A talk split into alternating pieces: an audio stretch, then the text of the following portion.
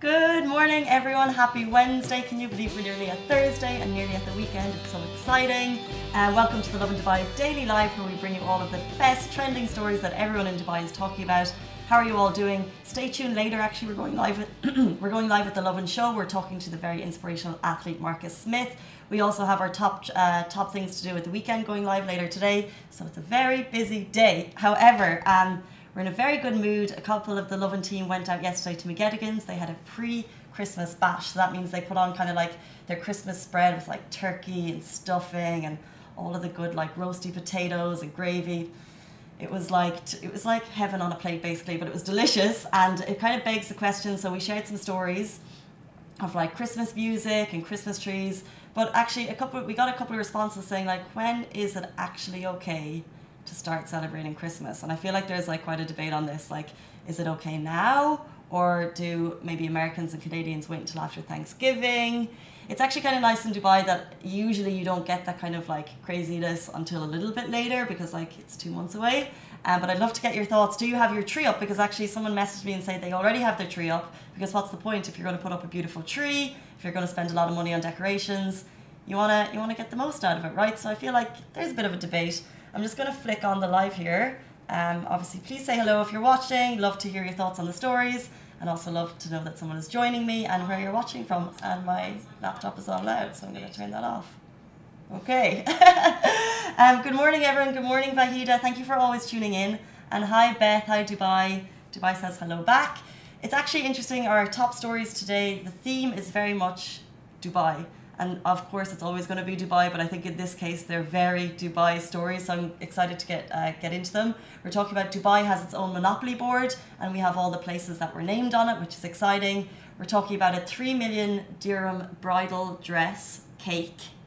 So that's a very Dubai story. So wait for that. But our top story today is, and if you can believe Salt Bae is a top story, but I mean it's Salt Bae, and I think he's got like 24 million followers. So anything he does makes noise.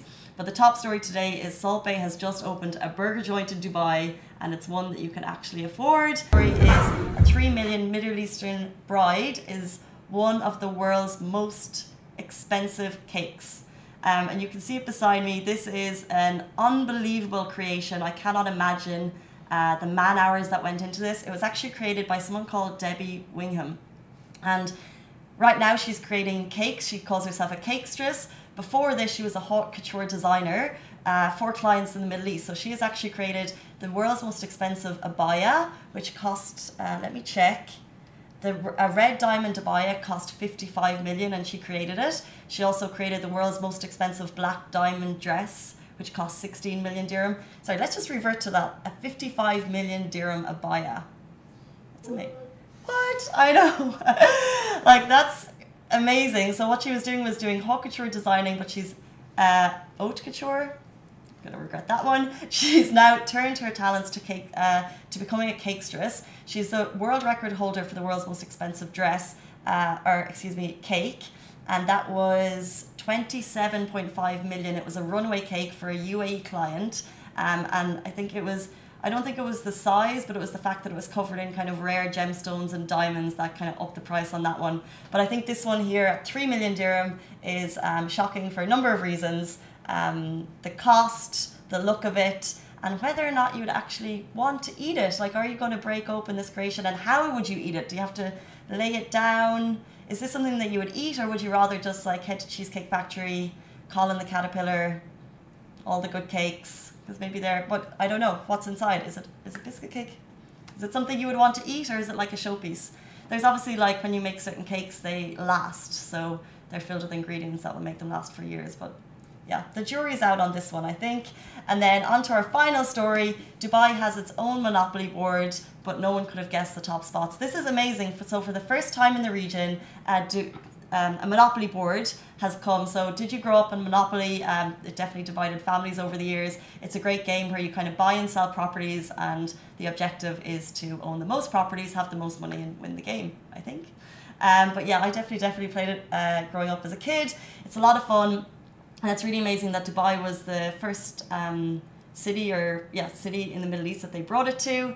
Uh, it was created by Hasbro in collaboration with Winning Games, who kind of and I actually think they're looking at more, but they chose Dubai first.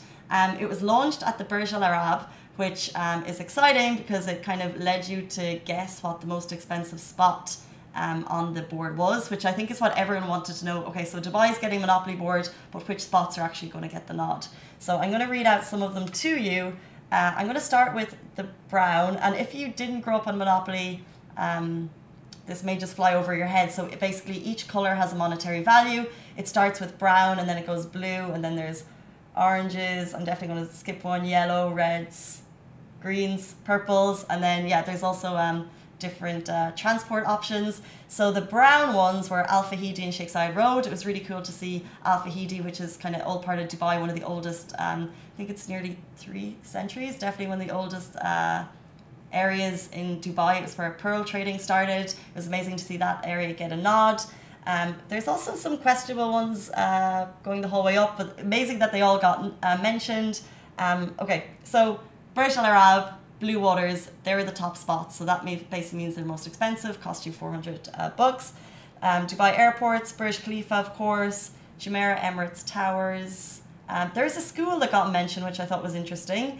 Nord Anglia International Dubai School, uh, Dubai Opera, of course, Mall of the Emirates, uh, La Mer, a whole load of them. Um, and really, really exciting. I'm definitely going to be playing this weekend. Coming up to Christmas, I feel like uh, that's actually when we posted. A lot of people were saying, "Do you want to play the Dubai Monopoly board for Christmas?" It's definitely um, it's definitely a family kind of friends get together kind of game. It'll take you three hours and you'll have a lot of fun.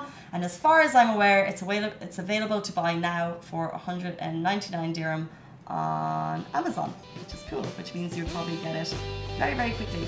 Um, guys, those are our top stories, all Dubai themed, like I said. Tune in tomorrow, uh, Thursday, final day of the week. How exciting we're going to get the weekend. Bye.